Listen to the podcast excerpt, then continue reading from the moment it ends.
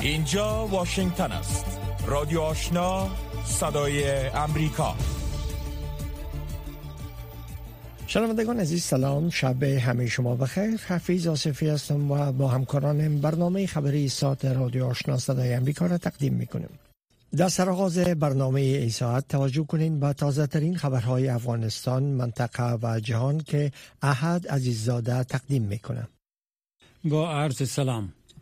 همزمان با نزدیک شدن برگزاری کنفرانس بین المللی درباره افغانستان در تاشکند یک هیئت بلندپایه طالبان بر رهبری امیرخان متقی سرپرست وزارت خارجه حکومت این گروه راهی ازبکستان شد. جزئیات بیشتر را از نسرین محمود عزیزی میشنوید. زیا احمد تکل معاون سخنگوی وزارت خارجه حکومت طالبان روز یکشنبه 24 ماه جولای با فرستادن پیامی به خبرنگاران گفت قرار است آقای متقی در این نشست اشتراک کند. آقای تکل افزود که این کنفرانس بین المللی فردا و میزبانی ازبکستان آغاز خواهد شد و در آن نمایندگان برخی کشورها و سازمانهای بین المللی حضور خواهند یافت. وزارت خارجه ازبکستان گفته است که این کنفرانس بین المللی به تاریخ 25 ماه جولای در مورد وضعیت کنونی افغانستان آغاز و برای دو روز ادامه خواهد داشت. بر اساس معلومات این وزارت قرار است در این کنفرانس نمایندگان بیش از 20 کشور و های بین المللی اشتراک کنند. این در حالی است که پس از تسلط طالبان در مدت بیش از 11 ماه تا کنون چند بار از حملات بر خاک ازبکستان از افغانستان گزارش شده است.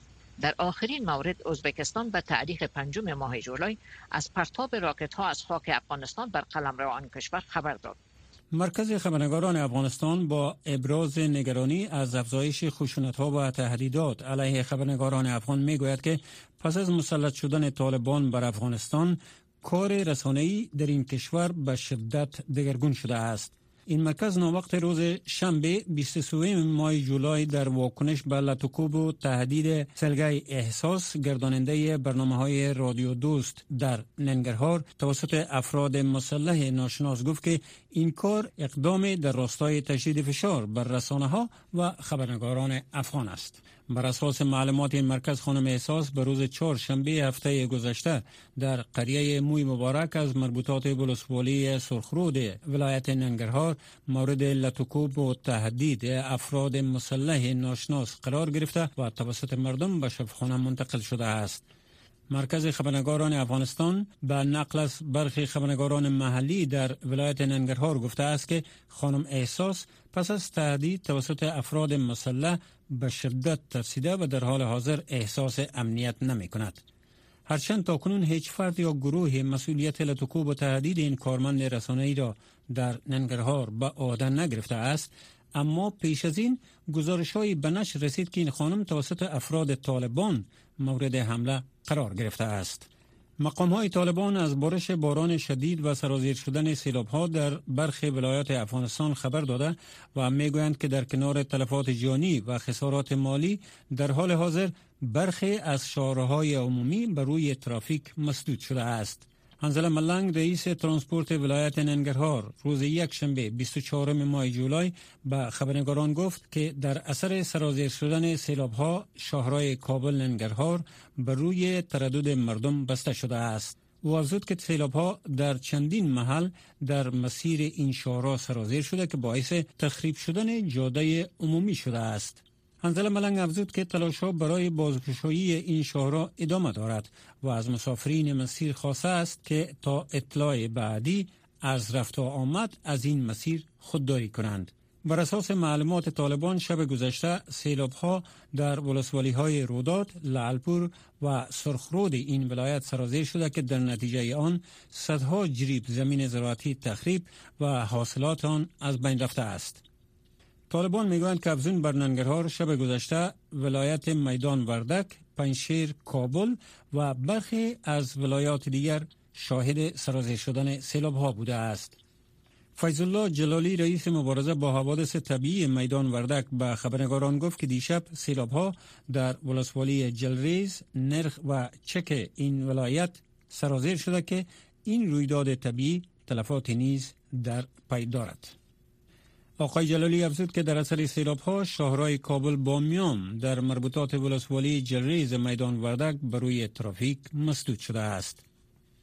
امیرخان متقی سرپرست وزارت امور خارجه طالبان با آرنولد پاول شارژدفیر اتحادیه اروپا دیدار کرد در اعلامیه‌ای که به روز شنبه 23 ماه جولای از سوی وزارت خارجه طالبان منتشر شد گفته شده که در این ملاقات امیرخان متقی تاکید کرده که جامعه جهانی نباید مسئولیت بشری را با مسائل سیاسی مرتبط کند.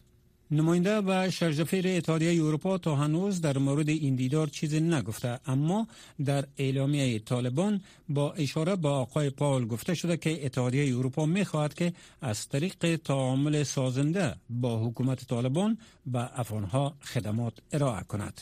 ادامه اخبار منطقه و جهان از رادیو آشنا صدای امریکا. سرگی لافروف وزیر خارجه روسیه روز یک شنبه برای گفتگو با مقام های مصری به قاهره سفر نموده است. زیرا کشورش به دنبال شکستن انزوای دیپلماتیک و تحریم های غرب به دلیل حمله به اوکراین می باشد با گفته شبکه تلویزیونی دولتی آرتی روسیه لاوروف اواخر روز شنبه به قاهره رسید و در اولین مرحله از سفر افریقایی خود همچنان در ایتوپیا، یوگاندا و جمهوری دموکراتیک کانگو توقف خواهد داشت. دفتر رهبر مصر اعلام کرد این دیپلمات ارشد روسیه صبح یک شنبه با عبدالفتاح السیسی رئیس جمهوری این کشور در قصر ریاست جمهوری قاهره دیدار کرد. لاوروف سپس با سامی شکری وزیر امور خارجه مصر گفتگو کرد. لاوروف قرار بود روز یک شنبه با احمد ابوالغیز منشی عمومی اتحادیه عرب دیدار کند. با گزارش شبکه خبری آرتی روسیه او همچنین در برابر نمایندگان دائمی سازمان پان عرب سخنرانی خواهد کرد. جنگ روسیه در اوکراین اثرات بدی بر اقتصاد جهانی داشته و قیمت نفت و گاز را به سطوح بی سابقه افزایش داده است. جنرال مارک میلی افسر ارشد اردوی ایالات متحده در جریان سفری به اقیانوس آرام که شامل توقف به روز یکشنبه در اندونزیا بود گفت اردوی چین در پنج سال گذشته به طور قابل توجه تهاجمی تر و خطرناکتر شده است. جنرال مارک میلی لوی عمومی قوای مسلح ایالات متحده گفت که تعداد تیاره ها و کشتی های چینی در منطقه اقیانوس آرام با نیروهای امریکایی و سایر نیروهای شریک آن به مرور زمان به طور قابل توجه افزایش یافته است و تعداد تعاملات ناامن نیز به عین زمان افزایش یافته است. ملی که اخیرا از کارمندان خود خواسته است جزئیاتی را در مورد تعاملات بین چین و ایالات متحده و سایرین در این منطقه جمعوری کنند. گفت پیام این است که اردوی چین در هوا و بر به طور قابل توجه در این منطقه خاص تهاجمی تر شده است. اظهارات وی در حال بیان شده که ایالات متحده تلاش های خود را برای تقویت روابط خود با کشورهای اقیانوس آرام به عنوان موازنه در برابر چین که تلاش می کند حضور و نفوذ خود را در منطقه گسترش دهد افزایش می دهد. اداره بایدن چین را تهدید سریع به خود و اصلی ترین آزمون امنیتی دراز مدت برای ایالات متحده می پندارد. پلیس اسرائیل امروز گفت که سربازان اسرائیلی و نیروهای خاص آن در یک مأموریت توقیف با یک پوسته تلاشی فلسطینی ها در کرانه غربی اشغالی درگیری مسلحانه داشتند. اداره خدمات نجات محلی اسرائیلی گفت که دو فلسطینی کشته شده است. پلیس اسرائیل گفت شماری از فلسطینی های مسلح طی نبرد چندین ساعته داخل شهر نابلس کشته شدهاند. پلیس اسرائیل جزیات بیشتری در این باره ارائه نکرده است. سازمان هلال احمر فلسطین گفته است که دو مرد مسلح در درگیری با سربازان اردو در نابلس کشته شدهاند. صدر اسرائیل گفته است که این افراد مزون به خاطر یک سلسله گلوله‌باری ها تحت تعقیب هستند. حملات فلسطینی بر اسرائیل قبل از اوایل امسال باعث مرگ 19 نفر گردید. طبق اظهارات یک مقام رسمی فلسطینی از آغاز سال جاری میلادی بیشتر از 60 فلسطینی کشته شدهاند. در یک خبر دیگر هزاران نفر روز یک شنبه در مراسم تشییع جنازه دو مرد فلسطینی که توسط اساکر اسرائیلی در جریان عملیات شبانه در کرانه غربی اشغال شده کشته شدند شرکت کردند. پلیس اسرائیلی اعلام کرد که نیروهای اسرائیلی و نیروهای خاص آن کشور در این مأموریت دستگیری و فلسطینی هایی که در نابلس در خانه سنگر گرفته بودند بامداد یک شنبه به تبادله آتش پرداختند. سازمان امداد و نجات محلی از کشته شدن دو فلسطینی خبر داده است. پایان اخبار افغانستان منطقه و جهان از رادیو آشنا صدای امریکا. روایت امروز.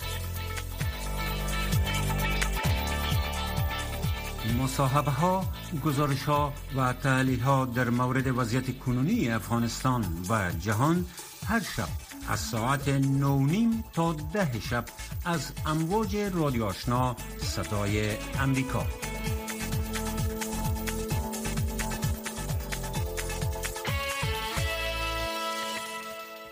خبرهای افغانستان منطقه و جهان از رادیو آشنا صدای امریکا شنیدین. آل هم گزارش های ای برنامه. حکومت محلی طالبان در بامیان محدودیت های سختگیرانه را در برابر معتادان در این ولایت وضع کرده و مسئولان در این ولایت هدف از این محدودیت ها را برقراری نظم در شهر می دانند.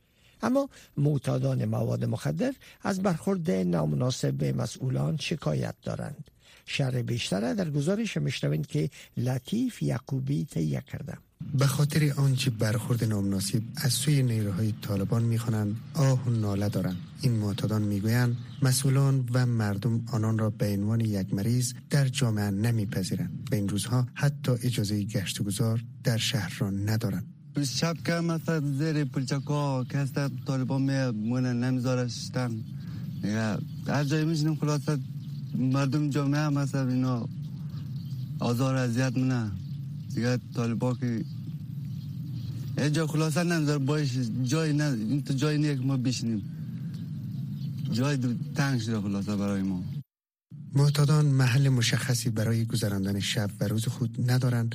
از این رو بیشتر ویرانه ها و زیر پول ها را به مکان بودو باش برای خود انتخاب کردن زندگی دشواری که برگشت بر روزهای عادی و خوب برایشان سخت شده است.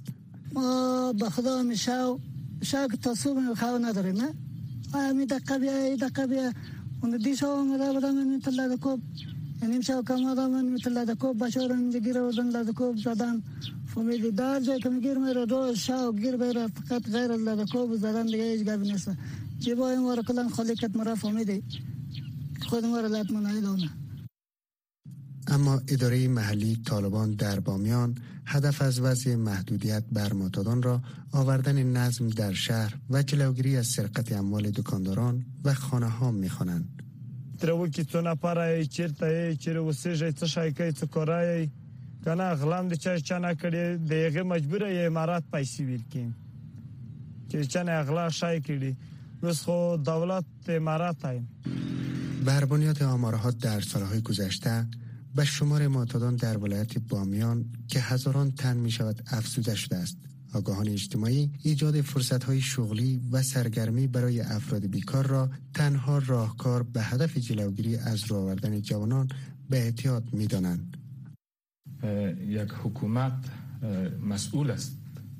مسئولیتی را داره. ببینید این اول که از کجا منشأ می‌گیره؟ این خودش یک مرض است در واقع. با یک مرض چی رقم آدم برخورد کنه که او یک نوع تشویق شوه؟ ای اگر ما بیاییم میره به اثر ظلم به اثر جبر به اثر لدکوب این فشار وارد کنیم این دوباره به مو راجع میشه. آمارهای وزارت صحت افغانستان نشان می دهد که از میان بیش از 80 مرکز ترک اعتیاد نیمیان به دلیل نبودی بودجه و امکانات از فعالیت باز ماندند همزمان حکومت طالبان با پیروی از دستور رهبرشان تلاش دارند که جلوی تولید، فروش و قاچاق مواد مخدر را بگیرد. شنوندگان گرامی رادیو آشنا صدای امریکا نشرات رادیو آشنا را در موج متوسط 1296 موج کوتاه 11575 اشاری سفر و در موج 972 کیلوهرتز شنیده می توانید. به اساس گزارش ها قرار است نشست دو روزه جهانی در مورد افغانستان فردا دوشنبه در ازبکستان برگزار شود. یک هیئت بلندپایه حکومت طالبان به رهبری سرپرست وزارت خارجه حکومت طالبان هم بعد از اشتراک در این نشست جهانی روانه ازبکستان شده. در رابطه با سرگزاری این نشست دو روزه با پالیسی های طالبان نسلین محمود عزیزی مصاحبه با نظیف شهرانی استاد در پوانتون اندیانا انجام داده که با هم میشنویم آقای شهرانی در خلال نگرانی کشورهای همسایه از نفوذ گروه های تندرو خارجی و نقض حقوق بشر به خصوص حقوق زنان در افغانستان چون این نشست ها و کانفرانس های چقدر بر پالیسی های جاری طالبان اثرگذار بوده می‌تونم خب ببینیم موضوع کنفرانسی تاشکند زیادتر تاشکند محور است. با وجودی که گفتم میشه که افغانستان محور است.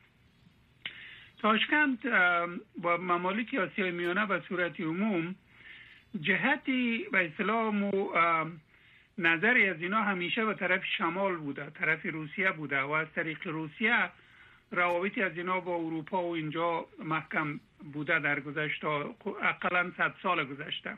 در این اواخر خصوصا با آمدن حکومت نو در ازبکستان چند سال قبل 2016 دیگه. تصمیم گرفته شده که باید اینا من جهتی روابط جهانی خود یک کمکی تکسر بتن. از او لحاظ می‌خواهند که به طرف جنوب هم رابطه قایم بکنن و یگانه رای قایم کردن رابطه با جنوب آسیا افغانستان است. البته ترکمنستان و ایران هم رای دیگه وجود داره. اما ترکمنستان رابطه بسیار خوب با ازبکستان نداشته و یک قسم خود جدا نگاه کرده. از بعد از فروپاشی شوروی سابق. دیگه از اون لحاظ راهی را که اینا فکر می‌کنن که ممکن سادتر و آسانتر و برشان خوبتر بوده باشه افغانستان است. زمون لحاظ اینا تلاش دارن با هر رژیمی که در کابل بوده باشه بعد از 2014 اینا رابطه خوب داشته باشن. رابطه خوبی هم با جمهوریت داشتن تا که البته وزم فرو پاشید و بزرگترین پروژه هایی را اینا دارن پیشنهاد می‌کنن که خودشان تا حدی اگر ممکن باشد تمویلش از ممالک دیگه هم بگیرن و راه را بسازن. بزرگترین پروژهشان فعلا ساختن راه آهن. از ترمیز به مزار اینا تکمیل کردن از مزار به کابل و کابل پیشاور را می‌خوان بسازن و یک پروژه است که اما می‌خوان ممالک دیگه مثلا تاجیکستان قرغستان و قزاقستان. خصوصا قزاقستان بسیار زیاد علاقه دارن که پروژه اگر ممکن باشه تکمیل شود و رای دیگه ندارن به جز از که با طالبا اینا تعامل بکنن و از امول از اینا تعاملشان با طالبا از لیازی چی نیست. یعنی پالیسی های از اینا نیست. ولی پالیسی ها و مفاد خودشان است. روی از اون زیادتر چی می‌کنن برمیگردیم سر خود مسئله ای که برای مردم افغانستان هر کنفرانسی که میشه هر نشستی که میشه چشم برا هستند که اگر یک تغییری بر پالیسی های طالبا وارد شود. فکر می‌کنین که خشونت و نقض حقوق بشر یک مسیر برای رسیدن به قدرت باشه؟ به هیچ صورت نیست. ببینیم این نظام طالبی اصلا ایدئولوژیک شده. به حد ایدئولوژیک شده که هیچ چیزی دیگر را نمیتن و تصمیم حال یک, یک رقم تقدس برای رهبر خود اینا قائل هستند یک حکومت یک ف... کاملا فردی و مطلق گراست از اول از هر چیزی که آخوند زاده یا ملاحبت الله میگه اونمو نعوذ بالله عوض قرآن است. و چیزایی هم که اینا میگن عموما تحریف قرآن کریم است. و چیزایی که اینا فتوا میتن ضدیت مطلق داره با با قرآنی با ارزش های قرآنی. از اون لحاظ من فکر می‌کنم که راهی را که اینا پیش گرفتن راهی خوبی نیست برای آوردن یک حکومتی مناسب و برای داشتن یک اداره خوب در داخل افغانستان و اینا هیچ در غم مردم نیستن. با مذرت اگر فشارهای بین المللی بر طالبا مؤثر واقع نشود فکر می‌کنین که چی خواهد شد؟ عاقبتی از اینا از بین رفتن است. خودشان دشمنی بزرگی خودشان هستند و اگر این پالیسی های هم یک سال گذشته را دوام دادن دوام بتن این البته باعثی خیزشی بسیار بزرگی مردمی خواهد شد و جامعه جهانی هم حاضر خواهد شدن که با خیزش های مردمی و مقاومت ملی همکار شوند و اینا را از صحنه بیرون بکنن و امیدواری ما هم همی است که اینا امی پالیسی های نابکار خود کمک بیشتر دوام بتن تا از بین برن. دیگر رای دیگه در برای آینده وجود نداره. نه برای مردم افغانستان و نه برای منطقه و نه برای جهان. رادیو آشنا صدای امریکا هفت روز هفته خبر و گزارش ها و تحلیل های خبری روز وزارت مالیه طالبان در بیانیه گفته که مقام های وزارت قرارداد خرید 350 هزار تن مواد سوخت از ایران امضا کردند. در بیانیه وزارت آمده که هفته گذشته هیئت مشترک حکومت طالبان و شرکت های مختلف به ایران سفر کرده و در جریان سفر قرارداد خرید 350 هزار تن مواد سوخت به امضا رساندند. وزارت مالیه طالبان میگه که هدف از خریداری کنترل قیم مواد سوخت در بازارهای افغانستان است. در رابطه به اینکه قرارداد تا چی حد می‌تونه به مشکلات کنونی مردم افغانستان کمک کنه نجیب خلیل مصاحبه با زرخ شافیزی تحلیلگر مسائل اقتصادی انجام داده که با هم بشنویم. آقای حافظی سلام به شما. تشکر از وقتتان. اداره همکاری های بشری از افزایش قابل ملاحظه نه تنها مواد سوخت بلکه مواد خوراکی و مواد دیگر در مای جون گزارش داد. خریداری این مواد سوخت از ایران چقدر در حل مشکلات مردم در افغانستان کمک می‌کنن مقداری که خریداری شده به جای خود مهم است ولی اصل مسئله بریز که قیمت چطور به کدام قیمت خریدن.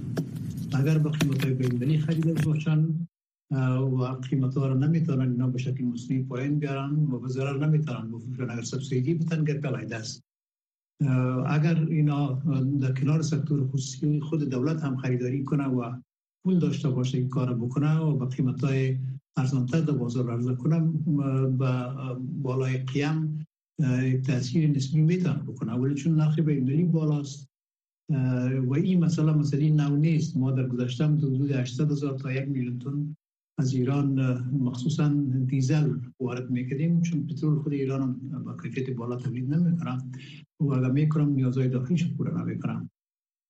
اما بیشتر ما از ترکمنستان و قزاقستان و یک مقدار کم از روسیه وارد می‌کردیم و از بعضی refinery های پاکستان هم تیل تیاره یا TC وارد می‌کردیم.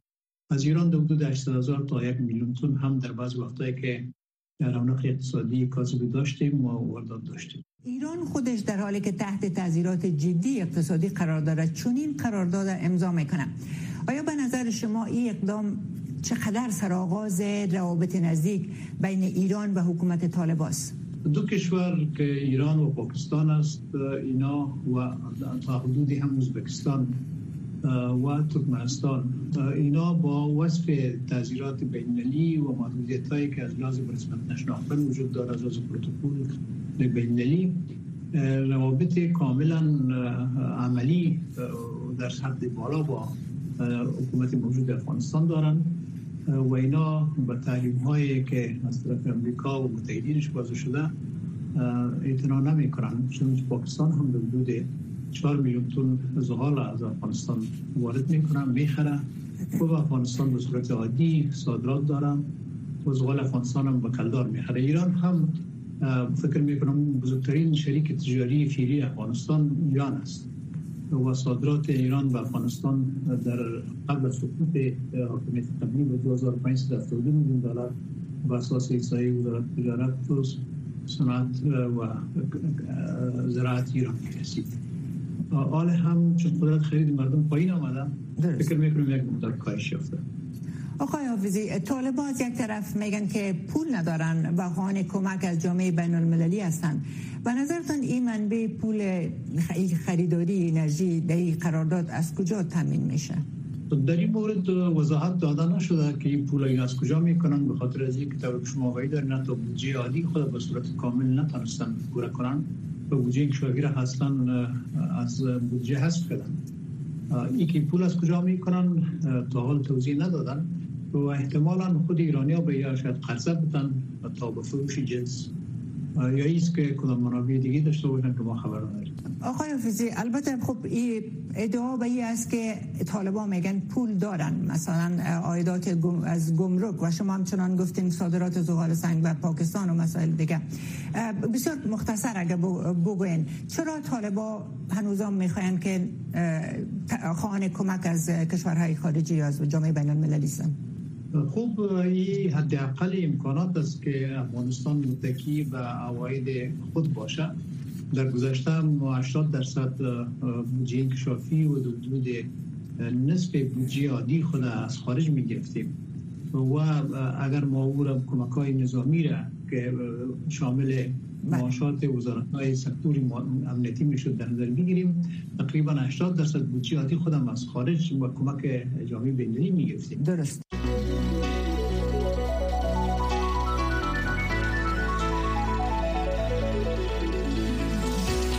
صدای امریکا در فیسبوک. facebook.com slash voa دری. تدروس ادهانم گبریسوس رئیس سازمان جهانی صحت روز شنبه از اختیارات خود استفاده کرد.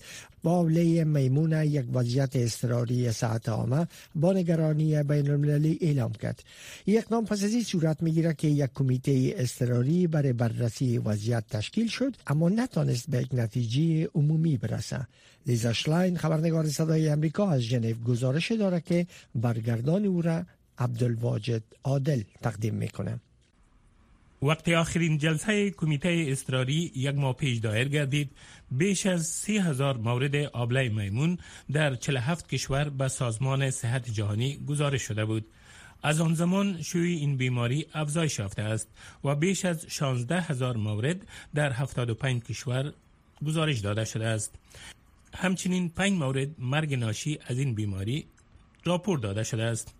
همانطوری که در آخرین جلسه این کمیته اتفاق افتاد این کمیته دوباره نتوانست به یک اجماع در مورد این که آیا آبله میمون تهدید برای سلامت جهانی است یا خیر برسد تدروس ادهانوم گبرسوس رئیس سازمان جهانی صحت می گوید که اطلاعات تحت بررسی را ارزیابی کرده است و تشخیص داده است که خطر شیوع بیشتر بین این بیماری وجود دارد.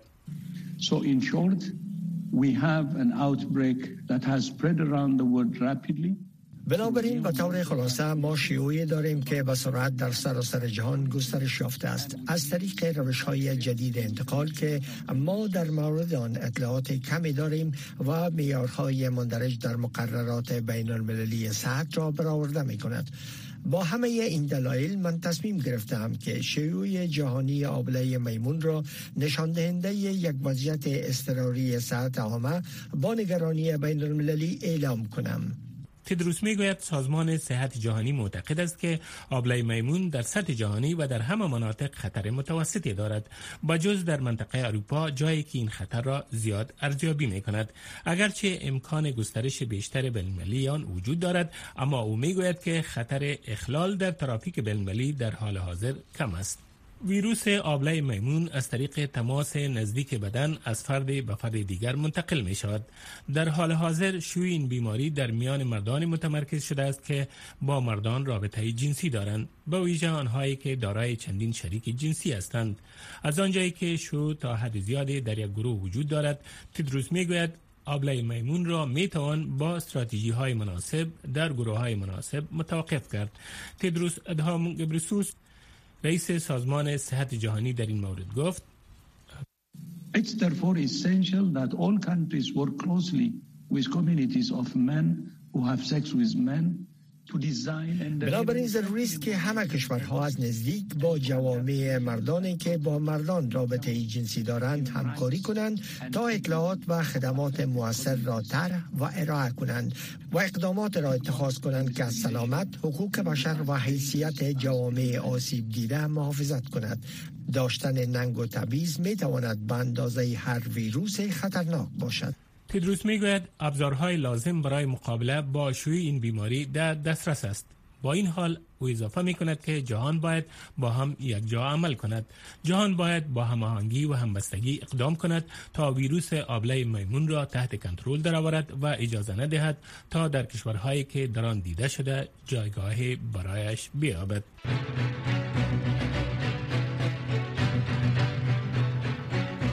شنوندگان عزیز. ای بود داشته های برنامه خبری که در همینجا به پایان رسید. اما نشرات پشتو و دری رادیو آشنا صدای امریکا همچنان ادامه داره. شنونده رادیو آشنا باشید.